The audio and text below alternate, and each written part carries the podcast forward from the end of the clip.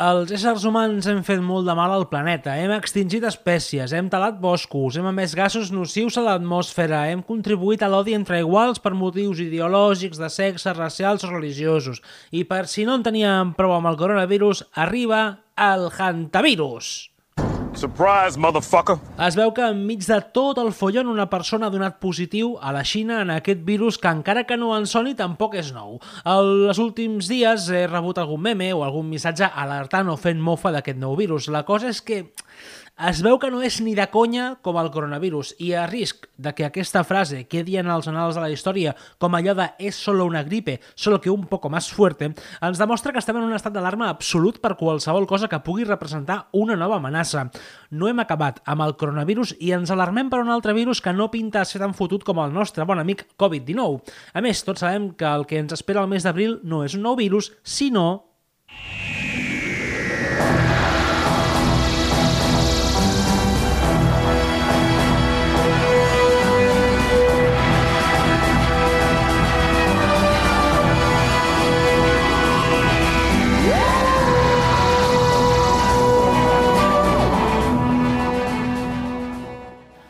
Vindran els aliens, acceptem-ho ja. Guerres mundials, asteroides que podrien impactar contra la Terra. Aquest 2020 passarà a la història com l'any més convuls de la història, si és que hi ha història. No concebria un altre futur immediat que no sigui l'aparició d'alienígenes al planeta, independentment, evidentment, de les seves intencions. Encara que coneixent com és la humanitat, en comptes de parlar amb ells i comprendre'ls, el més segur és que la nostra resposta fos fugir molt esporuguits i disparar-los un coet termonuclear a les primeres de canvi.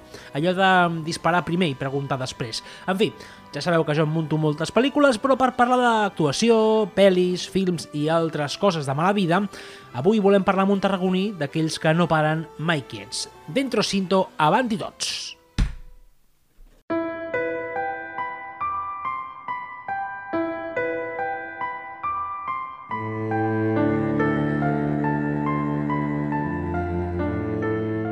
Són dies de confinament. Estem tancats a casa i no tenim clar com anirà tot plegat. El govern ens diu que ens quedem a casa, que és l'única forma d'acabar amb l'expansió d'aquest coronavirus. Sabeu quin és el mitjà que en casos de guerra i confinament sempre ha estat amb vosaltres?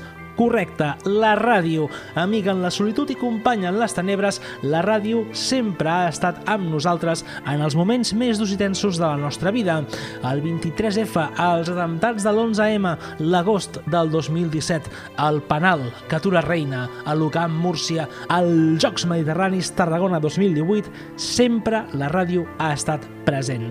Des del meu humil estudi, a Pirata, situat a la meva habitació, us volem portar un format d'entrevistes una mica diferent on parlarem amb diverses persones de la ciutat que no han de ser necessàriament famoses, però amb les qui passarem una estona intentant fer-vos més portable tot plegat.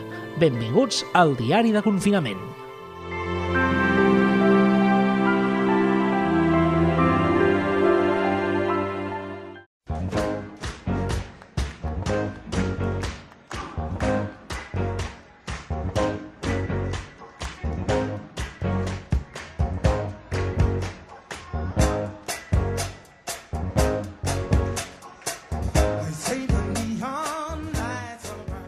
Ha gent que diu que la vida no deixa de ser un assaig per representar l'obra de teatre de la teva vida un cop moris. Però, bueno, ok, pot ser millor, pitjor actor, però allí estàs tu, no?, rellegint el guió i en aquests moments doncs, també esquivant un possible focus de contagi del coronavirus. Però bueno, avui tenim amb nosaltres una persona mmm, de lius culturals diversos, teatre, doblatge, humor, tot una mica. Jorge Pérez, benvingut al diari de confinament. Hola, què tal? Bon dia, Arnau. Escolta, Jorge Pérez o, doctor Pérez? Com et presento? Perquè també aquí... Ara, ara doctor, ja, ara ja... Doncs vinga, va, et, et diré doctor Pérez. Uh, doctor Pérez, com estàs? Com ho portes? Quants quilos has engreixat ja amb aquest confinament? pues mira, molt, perquè amb aquests dies això, això del confinament et fa perdre la noció del temps I ma mare l'altre dia, eh, ma mare és de Madrid, i l'altre dia, el dilluns, va fer un cocido madrileño, No, no, tu, el dilluns. I clar, dius, hòstia, nosaltres entre setmana normalment ens cuidem més la dieta i sí que el, el diumenge potser sí que fas o paella o cocido, una cosa com més així. Però no, va fotre un cocido madrileño un dilluns allò bé, eh? Mare meva. No, no O sé sigui qui, crec que va ser un, un militar que va dir allò de que no, todos los días son lunes, aquí no hay fines de semana, pues en el vostre Mira, cas és al això- revés, no? fines de semana sempre. Això s'ho devia pe- pensar ma mare totalment i va dir, pues venga, cocido un lunes, per què no? Me cago en dena. Tia cocido, eh? mare de Déu senyor. Comencem bé, comencem fort aquesta entrevista. Escolta'm, Sí. a casa vostra quan sou? O éssers vius, animals inclosos? Eh, doncs mira, no tenim animals a casa. Nosaltres només som tres, perquè els meus germans ja estan tots dos independitzats, uh -huh. i llavors estic jo amb uns pares només. I la veritat és que mon pare, que és molt de caminar i tot això, el tio es passa el matí caminant per casa. Vull dir, fa, ha fet, ha fet, eh, fa 8 quilòmetres, però de, de l'entrada fins, a la, fins al rebedor, i ja, vinga, bé, pim-pam, pim-pam, pim-pam, pim-pam, pim-pam. I així. A, a nivell anímic, com ho porteu? Perquè hi ha casos de gent que ja està totalment mig esquiciada i no portem ni 15 dies, eh? Mm. Jo la veritat és que t'he de dir que ho porto genial. Ho porto genial perquè jo sóc el tipus de persona que eh, durant l'any estic ocupat amb, mig, amb mil merdes que són eh, de, de caràcter social. Al febrer estic ocupat en Carnaval. Eh, després eh, ve la mostra de teatre jove, després els castells, després Santa Tecla, després això, allò altre. I el bo de que tothom estigui confinat a casa i que no, no, ningú pugui quedar amb tu és que llavors tens, lliure, tens temps lliure de veritat. Llavors ara estic aprofitant per fer doblatge, que feia molt de temps que no m'hi dedicava allò amb temps bé. Estic, fent, estic dibuixant, estic escrivint, m'ho estic passant de puta mare. És el millor moment de la teva vida. Estic, que per mi podem estar confinats sis mesos, vull dir, jo estic de putíssima mare. Escolta, hem, hem vist uh, per Instagram, a banda de que fas doblatges, també hem vist molta gent que fa reptes, hem vist virals, hem vist gent sí. vestida de Tyrannosaurus Rex passejant el gos. Què és el més friqui o divertit que has vist aquests dies? Perquè la quantitat d'inputs que t'arriben, siguin memes, siguin vídeos, siguin qualsevol cosa, jo estic... Mira que m'agrada molt el tema, eh? Em costa molt gestionar-ho, tio. Sí, jo la veritat és que estic en... Eh, et despertes i els diferents grups de WhatsApp m'han enviat tots 50.000 missatges. Si tens, alguna, si tens la sort d'estar en un grup de WhatsApp de memes, per exemple, eh, et pots despertar fàcilment amb 170 missatges que dius eh, aquesta gent no té vida o què collons passa? Jo crec que tu m'entens perfectament, oi? I, I llavors eh, el que sí que em toca els collons és aquesta idea de que la gent no sap estar sola. És un, és un problema que tenim i que estem diagnosticant ara amb el confinament. La gent no sap estar sola, la gent no sap dedicar-se temps a ella mateixa. És aquesta idea, idea de dir, ara tothom pel matí, venga, a fer exercicis, jo pensant. O sigui, m'està dient de fer exercicis gent que en sa puta vida ha, ha, ha vist un gimnàs i jo que no sóc tampoc ningú per criticar perquè jo no sóc un paio esportista però dius, hòstia, però almenys no us, no us dic ara que venga tots a les 10 del de matí a fotre gimnàsia, aneu a cagar, home, dormiu ara que podeu. Ah, per favor. Són, són dies que realment són molt difícils per, per molta gent, però tot i així també són dies on allò que dius de no sabem estar sols, potser si li dones la volta trobes una cosa bastant positiva, perquè en certa manera hem fet comunitat, i no només comunitat, sinó també hem fet mo molta cultura, música als balcons, concerts a Instagram, obres de en directe gratuïtes, i en certa manera això, Jorge, és el que estàveu fent a la companyia on participes, a Histrionis Teatre. Explica'm Efectivament. com va anar tot plegat, perquè això també... Doncs nosaltres vam tenir la sort de que, de que a nosaltres el confinament ens va enganxar... Mm, o sigui, vam prendre les decisions molt aviat perquè el confinament va començar un diumenge. O sigui, un dissabte per la nit ens van dir que a partir del dia següent ja no es podia sortir de casa uh -huh. i nosaltres sempre assagem els diumenges al matí. Això vol dir que nosaltres vam ser segurament el primer grup en fer un assaig des de casa perquè ens vam veure l'obligació és a dir, nosaltres assagem els diumenges i llavors el, el dia següent ja havíem d'assajar i no vam poder assajar, per tant ens vam connectar tots telemàticament.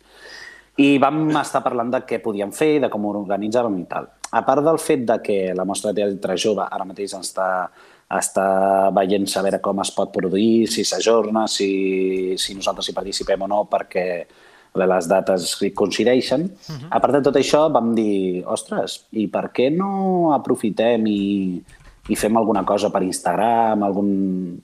I llavors vam decidir que faríem lectures dramatitzades de les nostres de les obres que hem representat. Per què lectures dramatitzades? Per un costat, perquè queda molt guai dir lectura dramatitzada, però és que, a més a més, queda molt, molt xulo i molt hipster, però a més a més el genial és que llavors no t'has d'assajar cap paper, perquè estàs tu que jo m'assajo set obres que estan confinat. I llavors ens vam repartir, vam dir, bueno, farem per parelles i és el que estem fent. O sigui, ens connectem en directe a Instagram, llegim res, que són 10 minuts, 15 minuts, com a molt i, ostres, està tenint molt bona resposta a la gent perquè la gent té ganes de dir, bueno, va, doncs, a veure, no? I és veritat que aquestes iniciatives culturals sí que està bé perquè hi ha, molt, sobretot, molta cultura gratuïta. Això està molt bé. Uh -huh. Tot això de les biblioteques que estan donant accés lliure, la gent que està fent concerts, això està molt bé. Però, com dic, això, aquesta és la part positiva perquè és la part de la gent que comparteix el seu talent, Clar. que està molt bé. La gent que mm, Mm, o no té talent artístic, o simplement no coneix el seu talent, que això passa molt. Hi ha molta gent amb talent que no sap que el té, eh, doncs llavors t'envien 50 reptes de, vinga, imita un animal, eh, haz el pino. Escolta'm, deixa'm en pau. Sí, estem, estem tu i jo per fer el pino, eh? Sí. Exacte, per això t'ho dic, dic. Sí, després de la classe d'esports de, de, del matí, ara et faré el pino per la tarda. Home, que, ja, va. Escolta, eh, ara posant-nos una miqueta més seriosos, tranquil, tornarem a, al tema cachondo. Hem vist que amb aquest confinament doncs, hi ha moltes sales que han hagut de cancel·lar o posposar obres, hi ha hagut pèrdues, sí. i clar, Eh, si el sector sempre està en perpètua crisi, com el periodisme, per cert, ara ja ni te cuento. D'aquesta crisi, en un futur, clar, jo espero que d'aquí uns mesos tornem a començar tot plegat, se'n veurà ressentit el món del teatre i especialment el de proximitat, perquè se'n parla poc, que aquí també tenim obra, ai, sales petites que fan mans i mànigues també per intentar doncs, sobreviure. Hmm. Jo crec que es veurà ressentit en una part només, és a dir, Mm, efectivament, eh, un, una conseqüència directa d'aquest confinament és, com t'avançava abans, el tema de la mostra Teatre Jove. La mostra Teatre Jove, en principi, començava el 20 d'abril. Això és impossible. Això és impossible. Llavors, ara ja ens estan oferint alternatives. Ara mateix s'està pactant en que, quines alternatives seran. No està res decidit però això es veurà afectat perquè efectivament nosaltres no podem assajar uh -huh. i, i per molt que puguis tenir reunions telemàtiques, un grup de teatre no pot assajar telemàticament. No es pot. O sigui, jo puc, puc fer una reunió sobre, jo què sé, puc reunir-me i puc decidir coses, però no puc assajar, jo no puc el contacte humà, les reaccions, les emocions, jo això no ho puc fer telemàticament. Clar. Llavors, això es veurà ressentit, però també és veritat que amb iniciatives com les que hem tirat nosaltres a Instagram i que estan tirant molts altres grups, Arteriats està fent, Arteriats Teatre està fent eh, reptes. El eh, Tornavís, per exemple, em consta que està fent, eh, s'estan fent reptes però intens entre la mateixa companyia. Mm -hmm. Llavors, tota, aquest, tota aquesta part, el que sí que crec és que aquestes accions solidàries, per exemple, a nosaltres ens han permès que ens conegui molta més gent de la que ens coneixia. Hi ha molta més gent que segueix ara a Histrionis per Instagram i molta més gent que coneix Histrionis. I l'altre dia un, una companya d'Histrionis va anar a comprar amb, tot el, amb tota la màscara, amb tota la història, amb tot això, i li va parar una noia i li va dir perdona, tu és la que vas fer el directe ahir, que no sé què. T'ho prometo. Llavors, bueno, aquesta és la part positiva. És a dir, eh, és veritat que no tens, has de cancel·lar algunes coses que són remunerades, però d'altra banda, sí que et permet que molta gent del teu entorn et conegui més. Estem en un o moment d'oportunitats, doncs. Oh, són oportunitats, són oportunitats precisament de proximitat, que deies tu. Pues és veritat, perquè al final la gent de Tarragona el que es connecta és el teatre de Tarragona. Això mm -hmm. és així, perquè són contes que t'ha recomanat un amic, un familiar o el que sigui.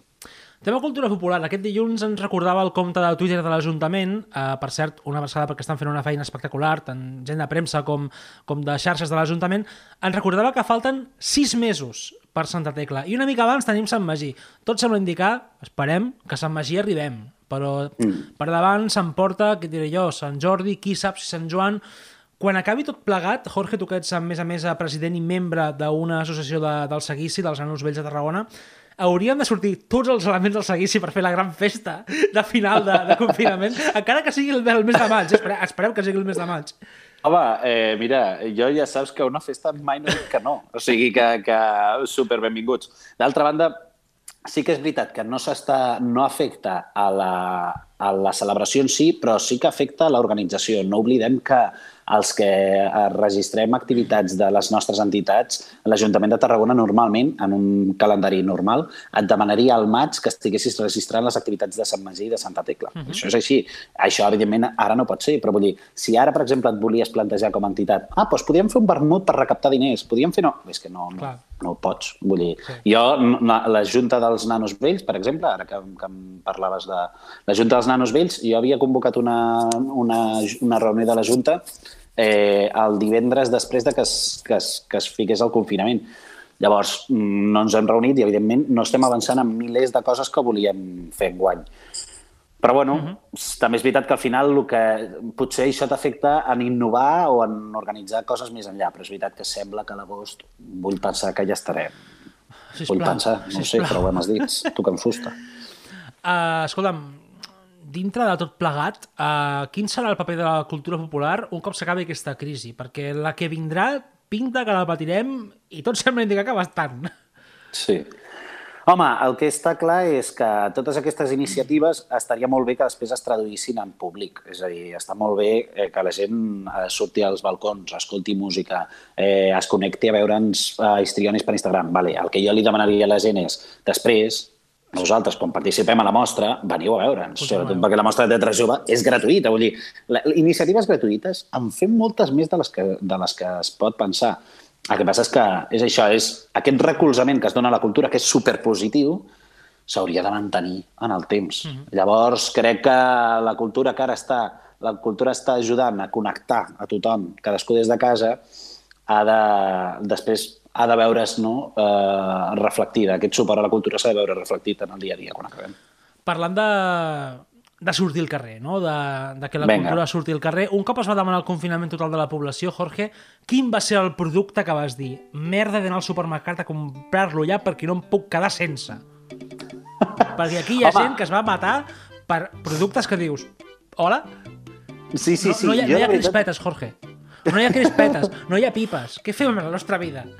Mira, jo et diré una cosa. Eh, abans et deia que mon pare necessita sempre sortir, no? Llavors, eh, el, pràcticament el que ha anat sempre a la compra és ell. Algun cop hi ha anat ma mare, no? Però jo la veritat és que des de que ha començat el confinament m'he quedat a casa i mon pare sí que li agrada trepitjar al carrer, doncs sí que ha anat a comprar. I una cosa que li va, que li va cridar molt és que no quedaven barretes de, de surimi, d'aquestes, que nosaltres les, les tallem i les fiquem a l'amanida. I llavors, un dia que va veure que no n'hi havia, llavors quan el dia des, següent o dos dies després va anar a comprar, va veure que n'hi havia i va comprar un munt. I ara tinc el congelador ple, però ple de barretes de surimi, que qualsevol... O sigui, si aquí un dia ens morim tots i algú entra a casa nostra per investigar, quan vegi el congelador ple de barretes de surimi no entendrà res, no entendrà res. És que, és que entre les moltes coses que pots comprar, què et diré jo? Arròs, que jo és una cosa que sí que vaig dir, bueno, pillo uns 3, 3 o 4 paquets i endavant. Sí. Llegums, eh, aigua, si no tens osmosi, eh, el que sigui, tio. És que fins i tot t'accepto el paper de vàter i entre aquelles Sí. altres coses, perquè si no com faríem el repte de jugar a futbol amb paper de vàter, no? Eh, surimi! Surimi, Surimi, surimi. T'he de dir que arròs en concret sempre en tenim a casa, perquè mon pare, mon pare és valencià i llavors l'arròs no falta. Estem parlant de que, Però... de, de que el teu pare recordem qui és. Perquè, clar, això també és un tema que, que podríem fer una notícia d'això. Digues, va. El, senyor, el senyor Pau Pérez, regidor de l'Ajuntament pel PSC, és un addicte al surimi. Tens el titular aquí, eh? El titular està aquí. Que, que, que cruel que ets. Doncs no, no, no, ja et dic. Doncs ja et dic, és, és, és el producte que més m'ha cridat l'atenció que tinguem a, a tot i plen, però en realitat no ens ha faltat gaire cosa de res. Vull dir que és veritat que al principi sí que hi havia molta gent que deia ostres, eh, eh, s'està acabant tot, comprem de tot, però ara no tinc la sensació que ens, que ens estem quedant sense res, la veritat. Jorge, abans de tirar cap al, al trivial post-apocalíptic, diuen que no Vinga. trobes a faltar algú fin, o alguna cosa fins que ho perds. Què és el que més trobes a faltar en aquests moments, Jorge? Mira, eh, hi ha una cosa que hem lluitat per no trobar-la a faltar, que és que jo, tothom que em coneix sap que sóc força fiestero, Sí. I, ostres, el primer... Hi ha una cosa que he trobat a faltar que és la ressaca. No. La veritat és que despertar-me, despertar-me un diumenge i estar bé, estar tranquil, esmorzar i que les coses sàpiguen a l'esmorzar i no al cartró, no tenir set. Hòstia, això m'ha deixat descol·locat, m'ha deixat molt descol·locat. He de reconèixer que despertar-me sense ressaca ha estat un què.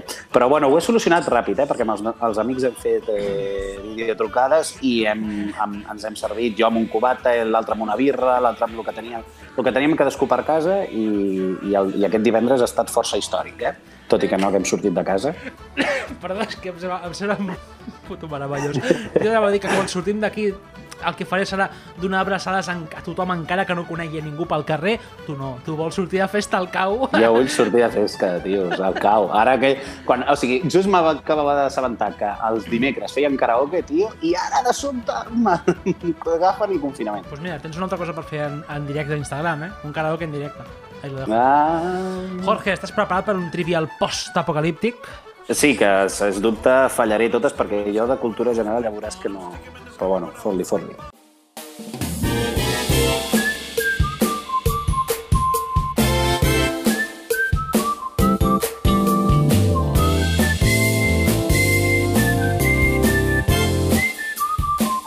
Primera pregunta. En quin d'aquests tres humoristes tarragonins confiaries per aixecar la moral de les tropes un cop sortim de la quarantena i es creï una nova societat que es basarà en la manca de recursos i l'absoluta supervivència a tota costa? Opció A. Oriol Grau. Opció B. Fermi Fernández. Opció C. Alejandro Fernández. Ostres, mm, mira, et diré que... Al principi et diria que, que Oriol Grau, perquè, perquè hi tenim, tenim bona relació i, i ens entenem molt bé. Però, és, francament, crec que molt millor Alejandro Fernández, perquè estic segur que amb la seva, amb la seva amb les, el seu tarannà i les seves idees polítiques seria el que probablement l'única persona que tindria una escopeta. I en moments així seria molt necessari. Doncs correcte, és la C, Alejandro Fernández. Felicitats, Jorge. Molt bé, primera pregunta, resposta correctament. Opció... Oh, perdó, pregunta 2. Ding dong! Truquen a la porta del teu refugi. Mires per la finestra i veus que és, un senyor, és el senyor Boada que demana ajuda per refugiar-se dels saquejadors que l'estan perseguint. Què fas? Opció A. Que què faig? Obro la porta i el deixo entrar. Opció B. Faig veure que no l'he vist. Qui sap si és una trampa i en tot cas no vull ser l'objectiu dels saquejadors i que em robin totes les meves barretes de surimi. Opció C. No el deixo entrar. Li dic clarament que em va semblar horrible que tingués la tasca perquè just un dia que la va tancar tu estaves de festa, tenies molta gana i vas esperar fins a les 8 que obris i res de res. Pues et diré una cosa, et diré opció C i no l'obriré, però no només no l'obriré perquè ha tancat seu, la seva tasca, sinó que perquè sospito molt que, aquell, eh, que, que ell va fer un entrepà de ratpenat que va ser l'origen d'aquest coronavirus. Aquella planxa de- d'entrepans, tots sabem que no va ser rentada des del 76. I ho sabem perfectament. O sigui que seria, segurament el Boada, amb tot el que l'estimem, és el responsable d'aquest coronavirus. A més a més, hòstia, és que el senyor Boada, un senyor entranyable, majo, correcte, ell ho estava planificant tot perquè s'extingís el món i així no tingués tanta feina i es pogués jubilar tranquil·lament, no? Vaja és que que, sí. És que, que Vaja que sí. Pues correcte, és la C, efectivament. Si li dius clarament que no, que et va semblar horrible que, que tanqués això i a més a més perquè és el, el precursor del coronavirus. Dos de tres, molt bé, molt bé, Jorge. Eh, Anem a per la tercera. El post-apocalipsis s'ha carregat al món tal i com el coneixem. També, evidentment, les tradicions tarragonines. Tot i així, a un grup de tarragonins us reuniu per recuperar mostres de cultura popular per fer una mica més amena la vida dels veïns. Quins d'aquests tres elements al seguici o festes de les festes de Tarragona recupereu abans? A. El seguici popular, a poc a poc, però primer de tot comenceu pels nanos vells. B. Les representacions de dames i vells. O C. L'empalmada. Ostres! Ostres! L'última que t'ha difícil. descol·locat, eh? M'ha descol·locat moltíssim. Mm, mira, jo crec que el, el seguici, et diré una cosa, que el seguici en realitat no caldrà probablement recuperar-lo perquè la Casa de Festa és un, és, una, és un edifici tan ben fet, però tan ben fet, que segurament està aïllat d'absolutament tot. És com la casa del Simpson, que està aïllat de bombes nuclears. Pues jo crec que l'edifici de la Casa de Festa li passarà el mateix. Per tant, es, crec que es conservarà prou bé. Les dames i bé, els dames i vells estan en l'imaginari col·lectiu. Estic segur que trobarem eh, gent que inventi versos nous. No em preocupa gaire.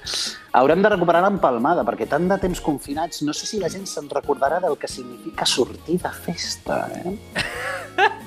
Doncs correcte, correcte, has fet 3 de 3. Ets la primera persona del diari de confinament que aconsegueix respondre correctament les tres preguntes, Jorge. Felicitats, has guanyat... Uh, no ho sé. Que he guanyat? No, no, no, ho No, tenia, no, no, no, ho no, tenia planificat, dir. això, no ho tenia planificat. Bueno, va, et, Bueno, quan, sortim, cubata, quan sortim d'aquí et convido a alguna cosa, va, això sí. Bé, perfecte, pa, m'agrada. paga l'empresa. Abans de tancar aquesta entrevista, Jorge, com sempre fem unes recomanacions culturals a la gent, que ens pugui doncs, dir una miqueta què és el que podem fer per estar aquests dies, i jo et demanaria, si plau que em diguessis, anirem per ordre, una pel·lícula que poguéssim veure, o una obra de teatre, perquè aquí també és cert que ara podem veure teatre online, eh, amb segons quines pàgines web. Sí. Uh, ostres, mira, uh, una pel·lícula, ara precisament que Histrionis Teatre van fer l'altre dia una representació d'una escena de Relatos Salvajes. És una pel·lícula que recomano molt. Aquesta, una pel·lícula argentina que, eh, on una de les històries, són de diferents històries, una de les històries la protagonitza el Ricardo Darín, i jo la recomano perquè és divertidíssima, però també perquè demostra molt d'aquesta agressivitat que probablement anirem desenvolupant poquet a poquet, ara que estem confinats. Obres de teatre, home, hi ha una que tothom s'hauria d'intentar comprar i llegir quan acabi el confinament, si no, o, o, o llegir per internet, que és el sofà dels mentiders del meravellós Jorge Pérez de la Torre.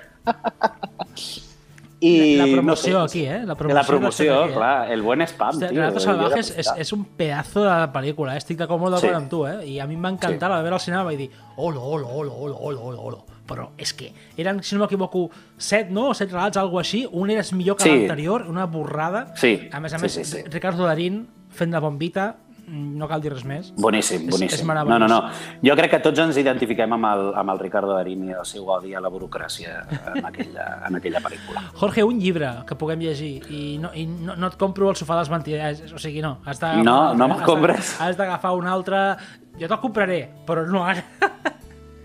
Doncs mira, el que m'he acabat fa res eh, de llibre era El fantasma de Canterville d'Oscar Wilde. Crec que Oscar Wilde és un, és un autor que, que jo crec que sempre és recomanable i fa no gaire m'havia llegit el, el retrat de Dorian Gray un altre cop i el Fantasma de Canterville era un regal que m'havien fet molt de temps, el que passa és que jo normalment no tinc gaire temps de llegir i ara amb el confinament doncs me l'havia... Són relats curts, són contes, però que ell fa amb una ironia molt, molt bona i que, que crec que, és, que és, és una bona manera de passar l'estona.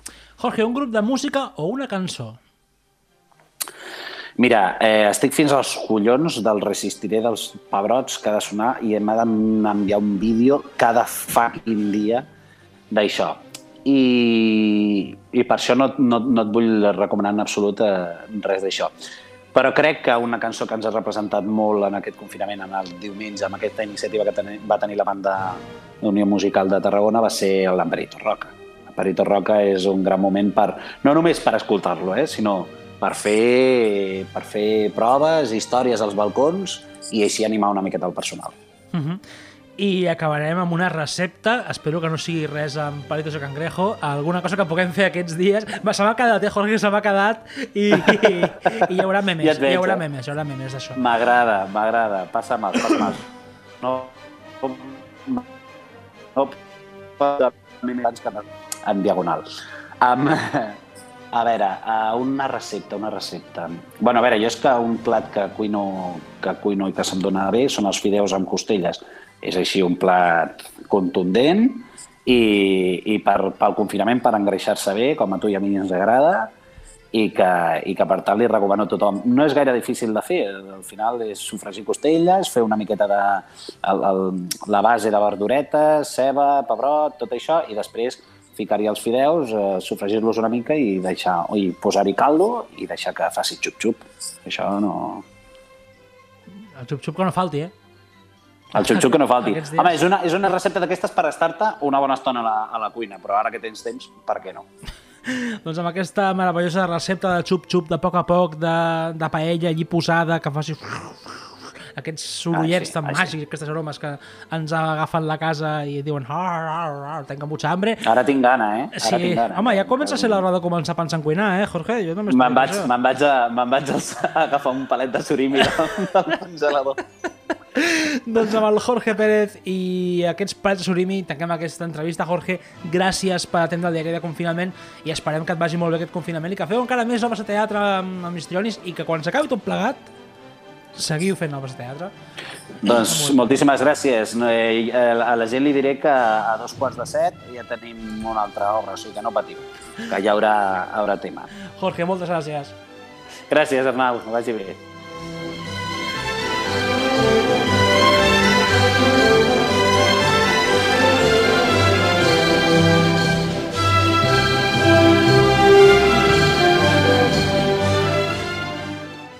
La tonteria aquesta dels palets de surimi que ens ha explicat el Jorge m'ha fet pensar en una cosa que també déu nhi La gent s'ha tornat absolutament boja per fer pa a casa. Si no, no m'explico com l'altre dia vaig anar a comprar uns paquets d'aquests petits de llevat fresc, aquells cubos de llevat fresc, no n'hi havia ni un.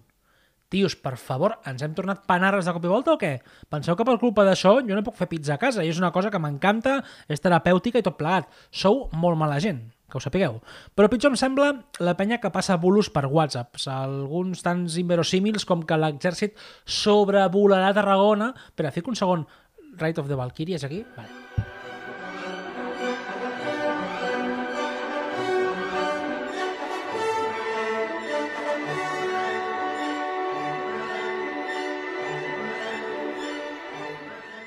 Això, que l'exèrcit sobrevolarà Tarragona per ruixar amb desinfectant la ciutat. M'ho va enviar ma mare, que també em va enviar una notícia que dos periodistes havien mort per coronavirus i dient-me després que em cuidés molt i que m'estimava molt. Mama, escolta'm, mama, sé que escoltes el programa. Estic bé, no passa res. Els periodistes no som un col·lectiu de risc i no em contagiaré d'aquest virus per fet de ser-ho. És com ma àvia que em deia que com que Puigdemont era periodista, jo també podria ser president de la Generalitat. Jo espero que pel bé de Catalunya no passi mai aquest fet. I parlant de Catalunya, sempre estic recomanant conjunts de fora de les nostres contrades, així que ara mateix us recomano un de per aquí. Kilòmetre zero, a més, eh, que per desgràcia es van separar fa uns, uns anyets, no gaires, Ivory. Ivory amb el Joan Torner, l'Albert Poll i el grandíssim... Com es deia el baixista? Sembla el baixista que, que viu amb l'Adrià. Joan Torner, Albert Poll... Com es diu? Espera't. A veure, l'Adrià viu amb el Pau Salvador... I com es diu, el baixista? Bueno, és igual. Ivory. A veure si entabanem algun dels seus excomponents per parlar al diari de confinament. Marxem amb aquest When the Cat is High, funk rock del bo, entre Vilallonga del Camp i Tarragona. Gràcies per escoltar un dia més el diari de confinament. Esperem que estigueu tots molt bé. Una abraçada antisèptica i ens veiem demà, família. Un petó molt gran, que vagi molt bé. That's so high.